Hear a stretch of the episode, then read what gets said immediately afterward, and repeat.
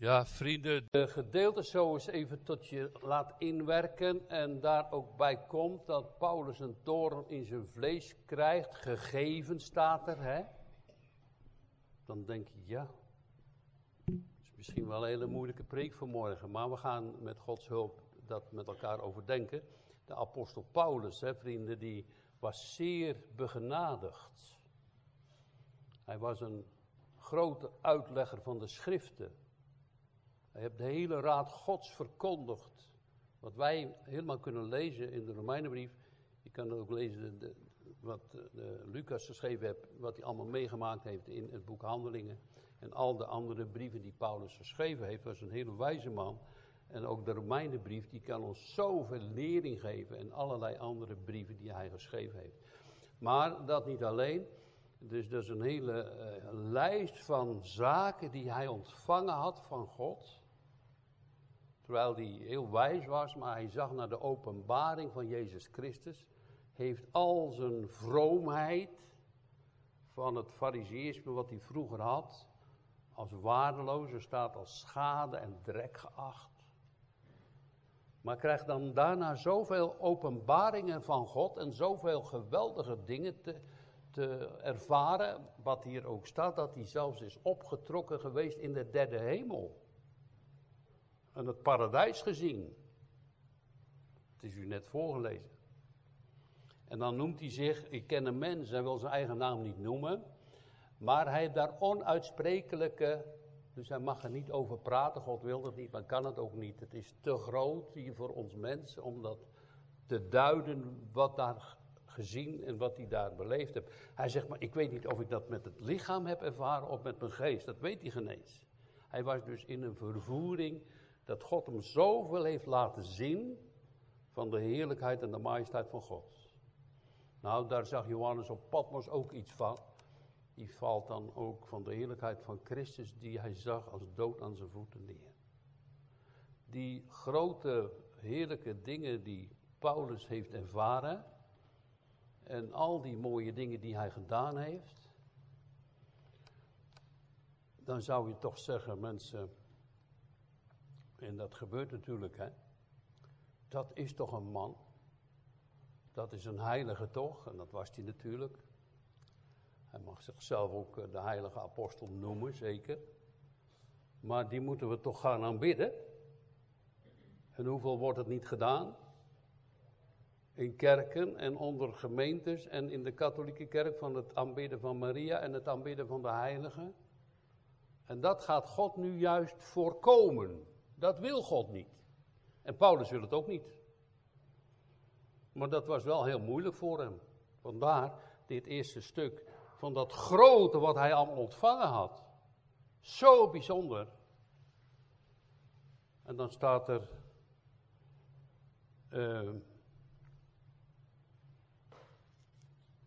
Want gesteld dat ik zou willen roemen, ik zal niet waar zijn, ik zal immers de waarheid spreken. Ik onthoud mij daar echter van, opdat niemand meer van mij denkt dan wat hij aan mij ziet of van mij hoort.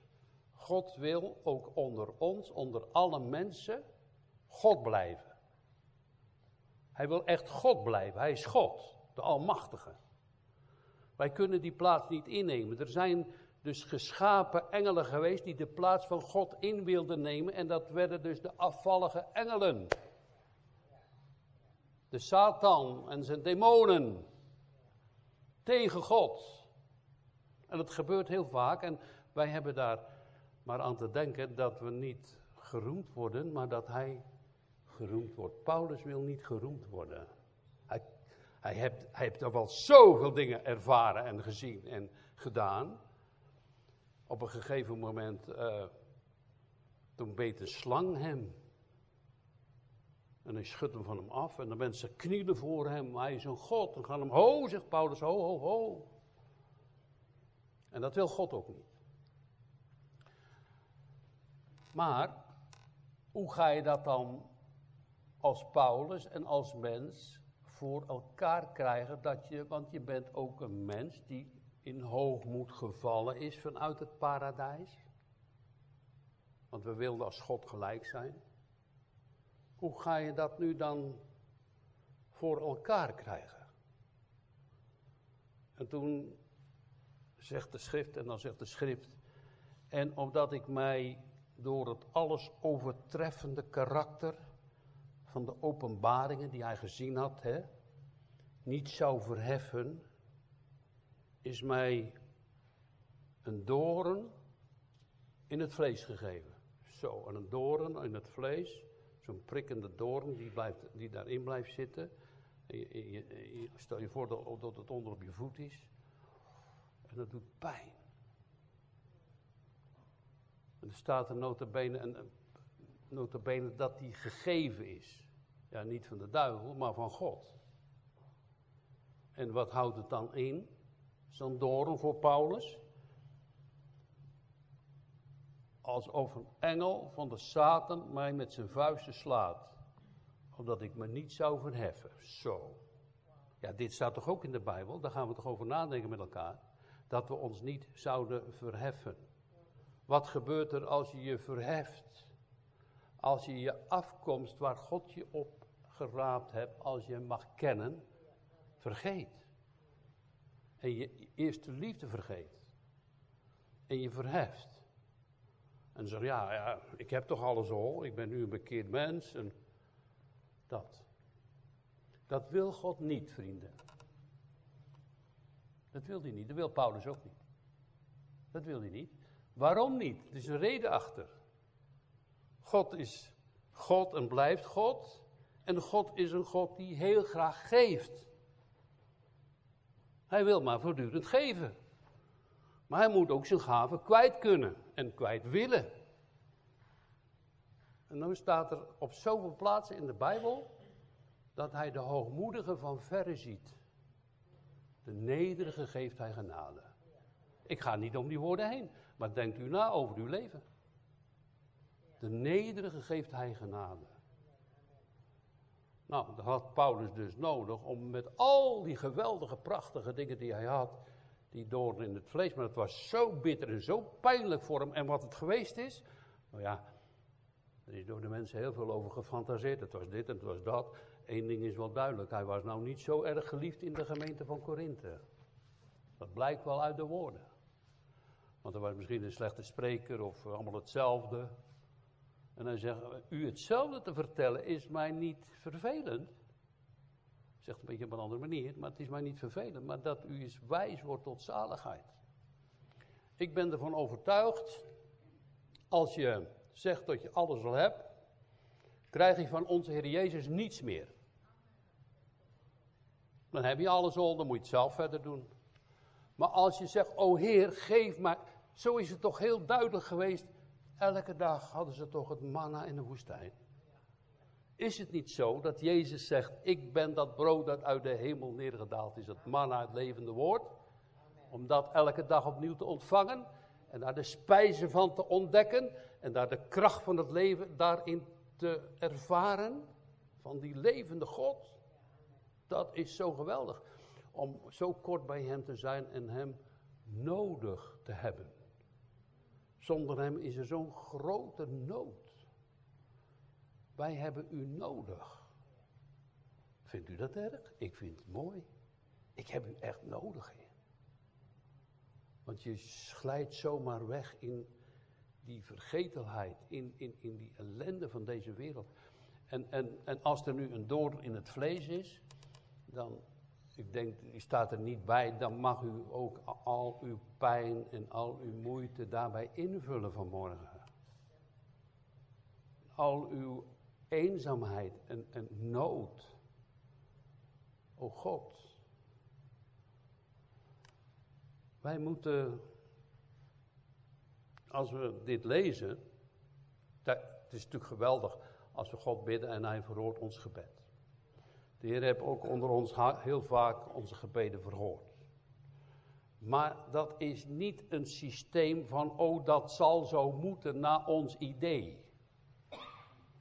Er zijn kerken die zeggen dat. Je moet maar roepen en bidden, dan moet het goed komen. En ik heb hier een broeder onder ons, die is heel lang ziek geweest, die wist dat heus wel. Maar die moest dat kruis ook dragen. En God heeft hem toch de laatste, hij zit hier vlakbij, de laatste er doorheen geholpen. Dan moeten we echt weten dat God ook zo kan handelen met ons.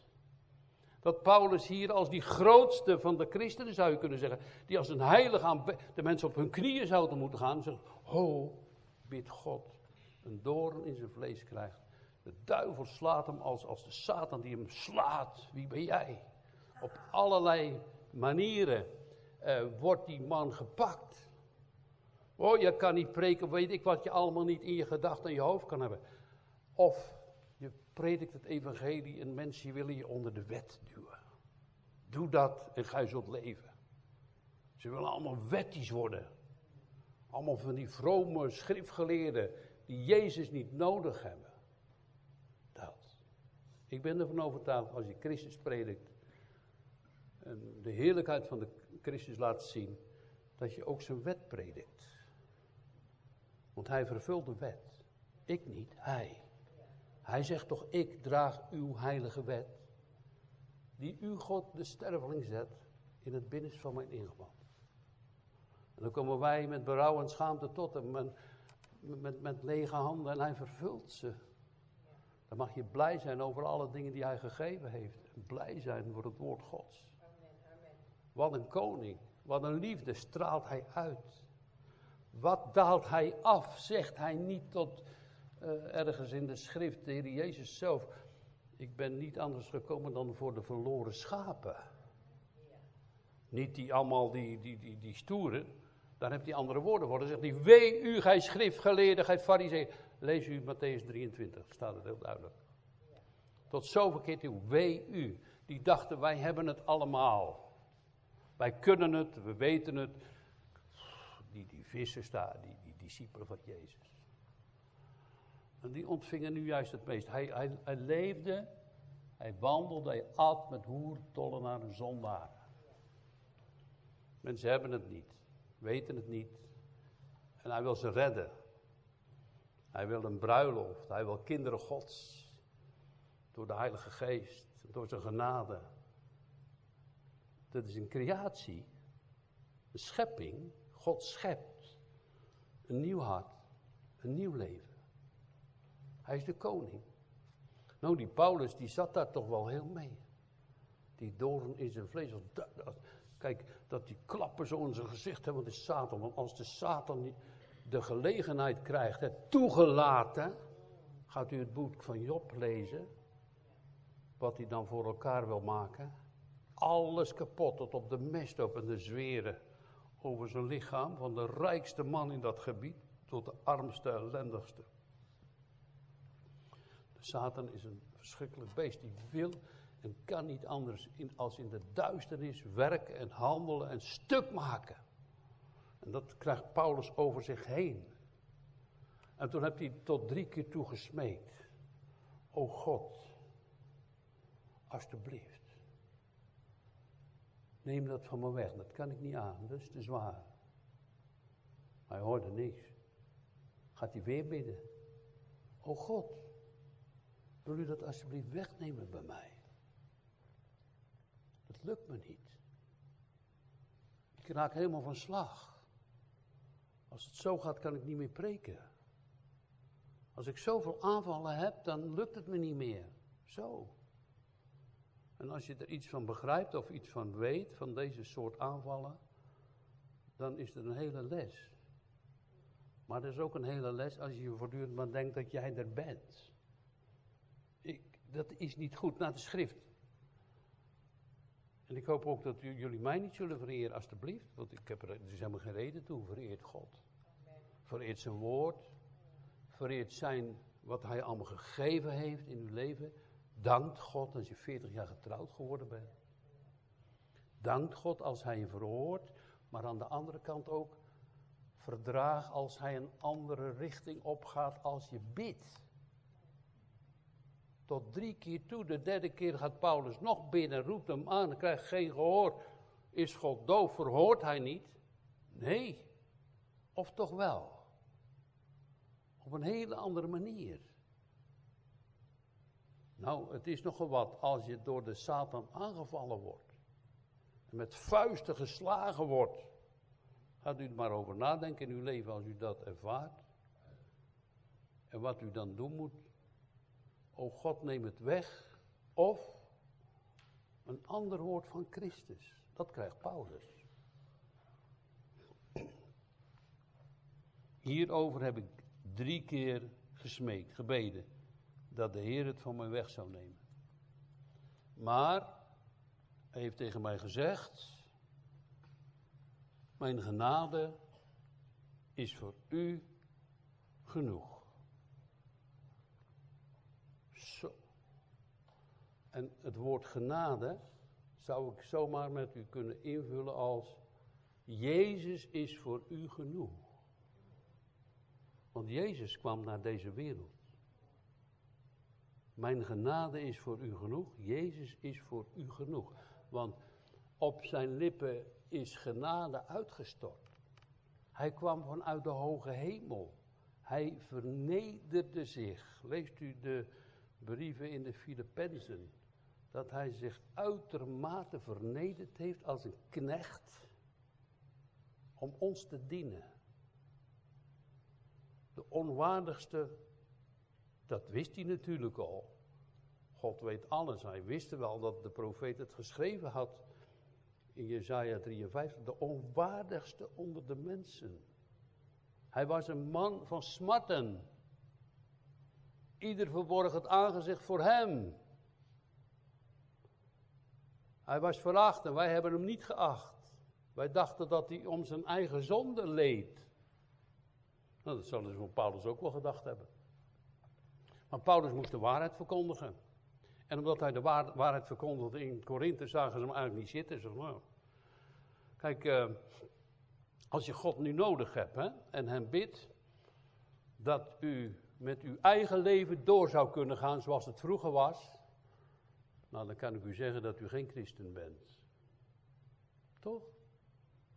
Als je God bidt dat je met je oude leven door kan gaan zoals het vroeger was, voordat je tot geloof kwam. Heer, help mij dat ik alles weer hier in de tijd weer hetzelfde mag ontvangen als. Maar God wil ons vernieuwen. Opdat je naar zijn wil en naar zijn koninkrijk gaat kijken en gaat ontdekken. En dat je gaat zeggen, uw koninkrijk komen. U wil geschieden. Hij is God. Hij wil niet van zijn godheid dat een ander dat. Dat kan ook niet, maar dat wil hij ook niet. En Paulus heeft nu geleerd dat hij dat ook niet wil. En voor Paulus was het natuurlijk heel moeilijk. En voor ons kan het ook zo moeilijk zijn. Uh, een pastor die hier staat is niet blind, die ziet veel van u.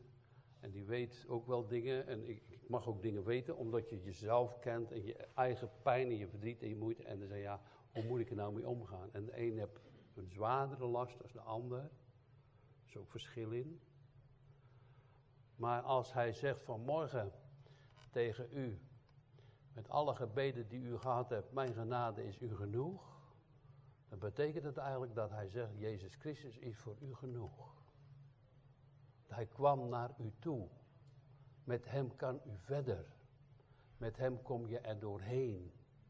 Al slaat de Satan u met zoveel slagen. Er is op Golgotha niet een Satan geweest die de Heer Jezus met een klapje geslagen heeft. Maar alle machten van de hel zijn op hem losgebarsten op Golgotha. Om al dat kwaad en al die pijn te verdragen en op het kruis te vernietigen. Want God wil geen hemel waar de zonde doorgaat. God wil reinheid, rechtvaardigheid. Daarom geeft hij zijn genade. Het is een prachtig woord, genade te ontvangen. En Paulus zegt ergens, genade voor genade. Steeds meer heb ik het nodig. Terwijl ik dan hier in dit leven ben en dacht dat ik het al heel goed voor elkaar had, blijkt in ene keer dat ik nog heel veel genade nodig heb. En daar heb God dan zijn gebed niet voor verhoord. Om maar in zijn oude, in die situatie verder te gaan.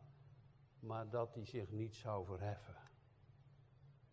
Maar Ik vind het niet zo fijne preek om voor u te zeggen vernedering. Maar als ik naar mezelf kijk en over mezelf denk, denk ik, ik vind het soms wel eens ook heel mooi om me voor God te vernederen. En dan, en dan joh, als je, als je, je kan een beeld nemen over je leven bijvoorbeeld. Het gaat ook niet over mij, maar ik wil, ik wil het een beetje schilderen ook voor u. Want er kan zoveel aan de hand zijn. Dan, dan, dan voel je je soms als een, met een afgaantij. Jullie zijn erbij, die komen uit Zeeland, daar heb je heel veel eb en vloed. Nou, afgaantij, hè. Dat je dan wegzakt zomaar in dat slip van die bagger. Weg. En dat je dan je hand opsteekt. Heren, wees erbij. En hij je weer nieuwe kracht geeft. En nieuwe moed. En nieuwe power. En nieuwe liefde. En dat je tot inkeer komt. Ik heb me eigenlijk te veel verheft. En ik was hoogmoedig. Niet doen. Doe het niet. Verneder u onder de krachtige hand van God. En hij zal u verhogen. Als hij u verhoogt, is het prima. En dat hij je dan weer opricht. Zo, zo, ik mag weer verder. In zijn naam. Door zijn kracht. In alles. In het zijn hier in deze wereld. heb je dat ook? Ik heb dat echt. Misschien heb je dat als je ouder wordt, maar ik zit soms thuis en denk. En ik, wij hebben echt nergens over te klagen, over jullie niet en over niemand. Soms doe ik het wel, maar dat is eigenlijk niet eerlijk.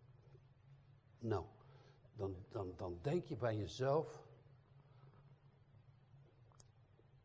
Hoe moet ik eigenlijk hier leven? Ik kan hier eigenlijk niet leven. Wat is dat leven? En moet je dan overal zaggerijnig over zijn en gun je een ander geen vakantie. Ik vind het ook allemaal best wel leuk en mooi, tuurlijk. Maar eigenlijk is het allemaal ten opzichte van dat nieuwe leven van Jezus Christus. Als Hij in je hart komt, zo'n grote blijdschap geeft. Terwijl je eigenlijk eerst helemaal weg zag zakken in die bagger. Weet je niet, het afgaande tij, zo dat je En dat hij je dan opricht, blij maakt, nieuwe kracht geeft. Wat een koning hebben wij. Gelooft hem.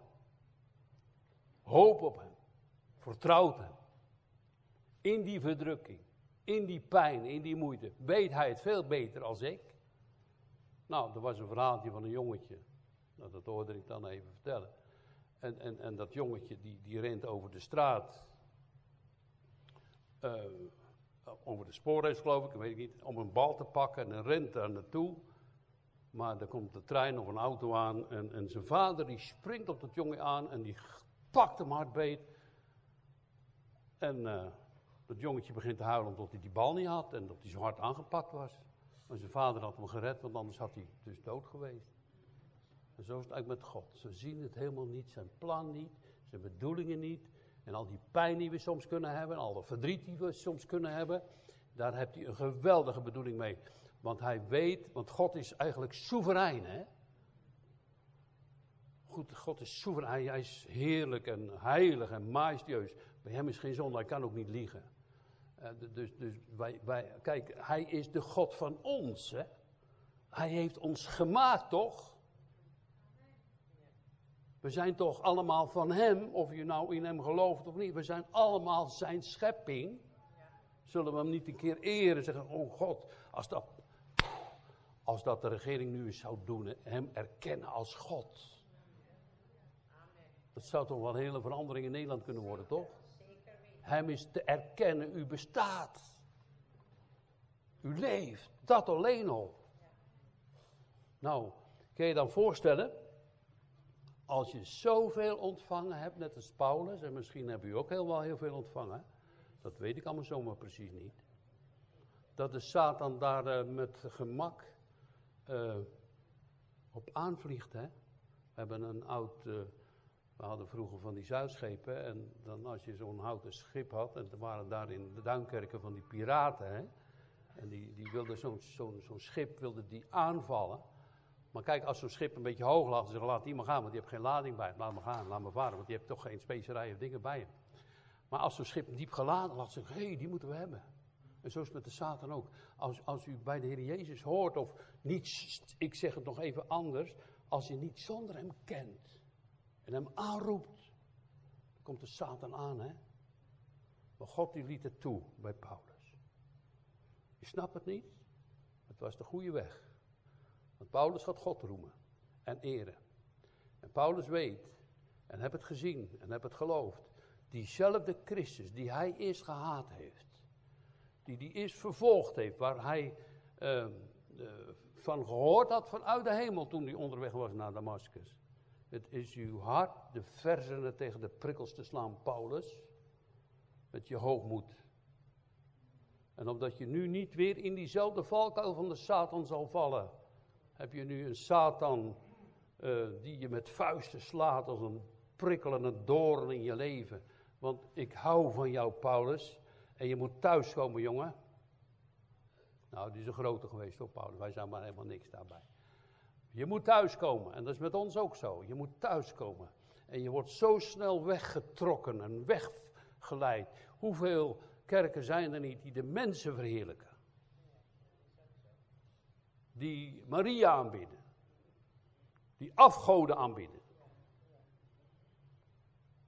En God zegt nee. God is goed. Aanbid hem. Onze schepper. Of u het nou wil horen. Nou, ik denk dat iedereen het wil horen. Maar eigenlijk moet je dat gewoon in de wereld. Of je het nou wil horen of niet. Hij is onze schepper. En hij doet zeker wonderen hoor. Hij heeft zeker vaak heel veel gebeden verhoord.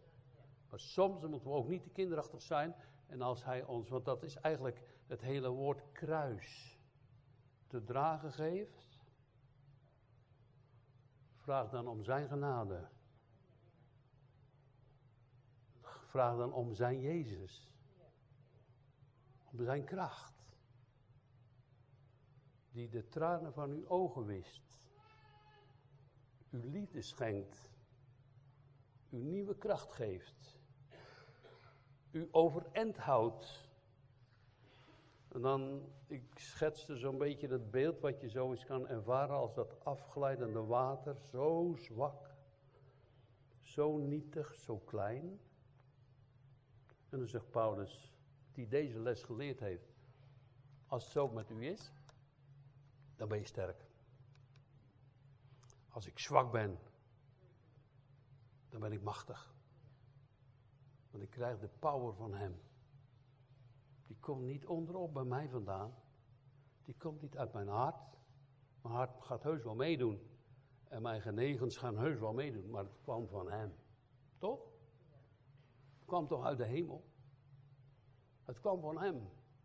Heel veel mensen denken, nou, dan mag ik tot geloof zijn gekomen, gerechtvaardigd. Maar nu moet ik toch ook de heiligmaking waarmaken. En dan gaan de mensen aan het werk, dat doen en dat niet meer en dat wel. Het lukt maar niet. Het lukt bij mij ook niet hoor. Maar bij hem wel. En dan zeg ik, Heer, u bent de bron des levens. U bent ook mijn heiligmaking. Ik heb geen liefde, Heer. Ik heb geen kracht. Ik ben ook niet zo heilig. Maar u wel, geef het mij. Dat is heiligmaking. Geef het mij. Geef het aan mij, Heer. Wat ik niet heb. Daar is hij toch de koning voor. Ik zei u toch, God wil God blijven en zijn die zo graag geeft. Alsjeblieft, hier heb je het. Wat jij niet kon vanuit jouw natuur. Vanuit jouw boosheid. Wat jij niet wilde. Ik, James, vernieuwt jouw wil. Echt. Mooi, hè? Als hij dat doet. Was je eerst zo'n boze man, weet je niet. De toeter in de auto, bom, bom, bom. Niemand die, hè? Gebeurt soms nog wel hoor, want we zijn zo heilig in onszelf toch niet. We hebben die correctie voortdurend. Alsjeblieft mensen, neem het nou aan, we hebben die correctie van zijn woord voortdurend nodig, toch? Toch niet, oh nou weet ik het wel. Krijg je niks meer. Dat wil ik u prediken, je moet ontvangen van hem. En hij geeft ons zoveel. Je ziet het amper van het, Wees eens blij over de dingen die hij geeft. Ik, ik spreek ook voor mezelf. Stop eens uh, met het zagrijnige gedoe. Stop eens met altijd maar die mineur. Paulus heeft toch iets geleerd? Wat wij allemaal hier in deze kerk en over heel Nederland moeten gaan leren. Weet je wat het is? Je te verblijden in het lijden.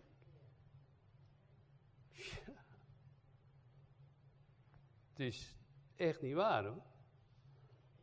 Wat sommige kerken zeggen, dat welvaartsevangelie, als je nou maar veel geeft en veel roept en je wordt heel rijk en dat en dat. Als u daarvoor hier gekomen bent, bent u aan het verkeerde adres. Want God zorgt toch wel, dat kan ik u zeker zeggen, want hij laat ons echt niet in de steek. Maar, maar het is geen welvaartsevangelie voor het hier en nu. Het is een fabeltje. Klopt niet.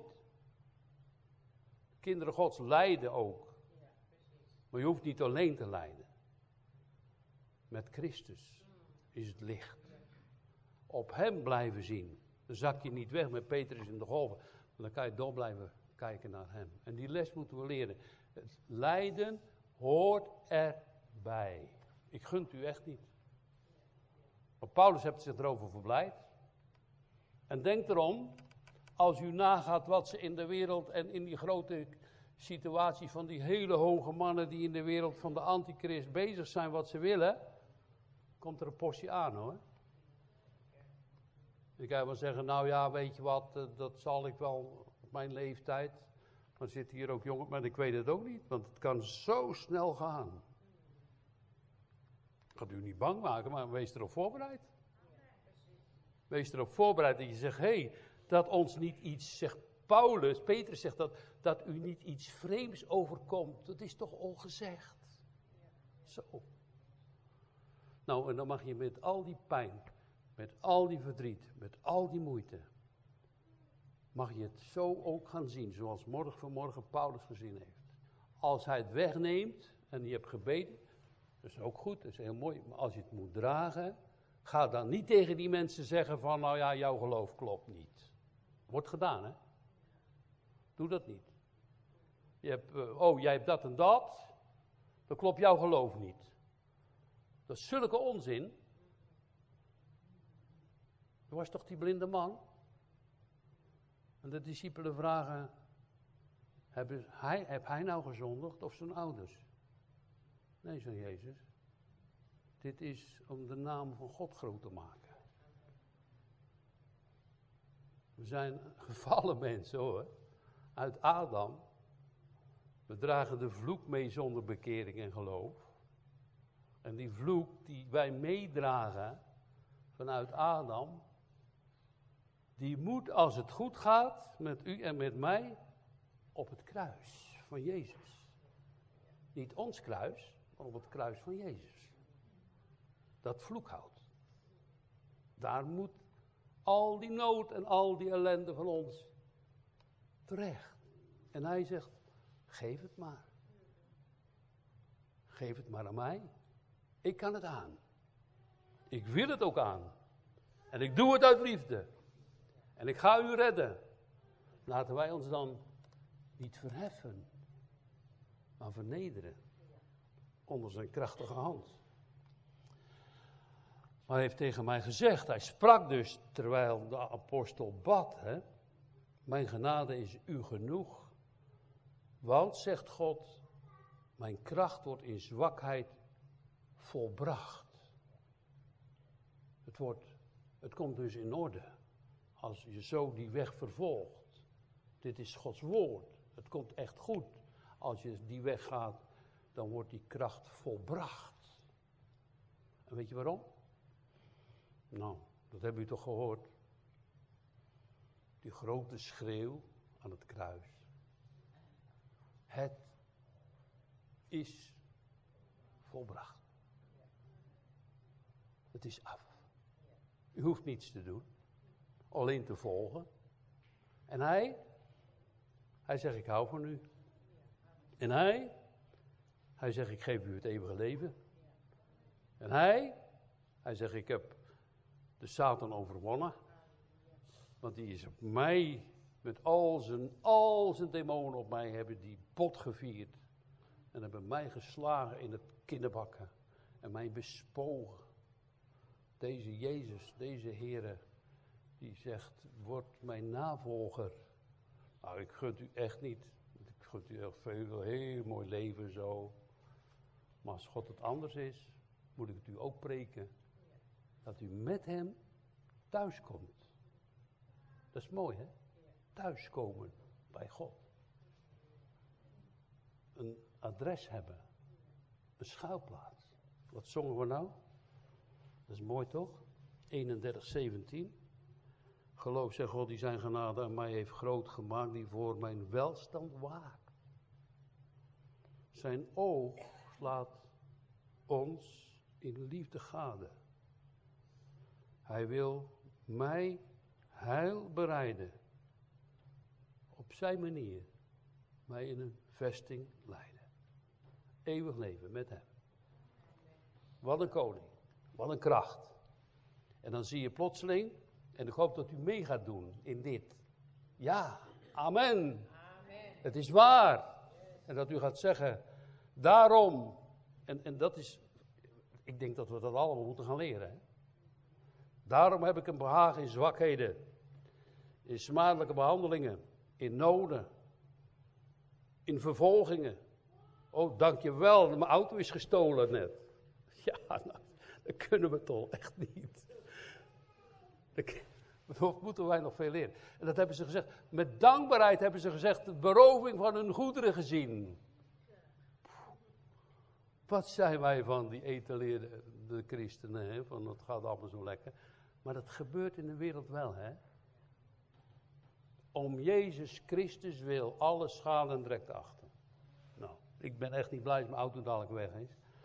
Maar ik geef maar voorbeelden, snap je. Maar wat is dit wat hij zegt, hè? In vervolgingen, zo. Een welbehagen in vervolgingen. In benauwdheden. Waarom? Omdat die stroom van genade hem meer waard is dan al die ellende. Dat is de nabijheid Gods. Dat is Jezus zelf. Die in hem. Hem ondersteunt, rust geeft, kracht geeft. Ja. In benauwdheden om Christus wil. Want wanneer ik zwak ben, ben ik machtig. Ik hoor dat er uh, mensen weg moeten. Uh, dus ik ga maar even wat korter preken. Jullie moeten dadelijk uh, op een andere manier gaan zaaien met je man. Dus dan stoppen wij nu met dit gedeelte. Dus ik hoop dat u het meeneemt, vrienden. Dat u ter harte neemt. Het geldt, ik preek ook voor mezelf vanmorgen. Maar ik denk dat we dat echt moeten gaan leren. Het lijden om zijn naams wil. En het belangrijkste daaronder is Word eens een beetje minder hoogmoedig en verneder u onder zijn krachtige hand. Daarin is het leven. Want hij geeft de nederige genade. En hij heeft zoveel genade, dat is onbeperkt. Want er staat iets moois in Ezekiel. Dat er een man zegt, die gaat eh, met zijn benen in het water. Het water van Gods genade. Maar dan gaat hij nog verder, komt hij tot het middel en op de duur drijft hij helemaal op Gods genade. Zwemt hij als het ware in de zee van Gods genade. En dat gun ik u van harte. Opdat je, wat er ook gebeurt, thuiskomt. Hij u in een vesting leidt. Amen.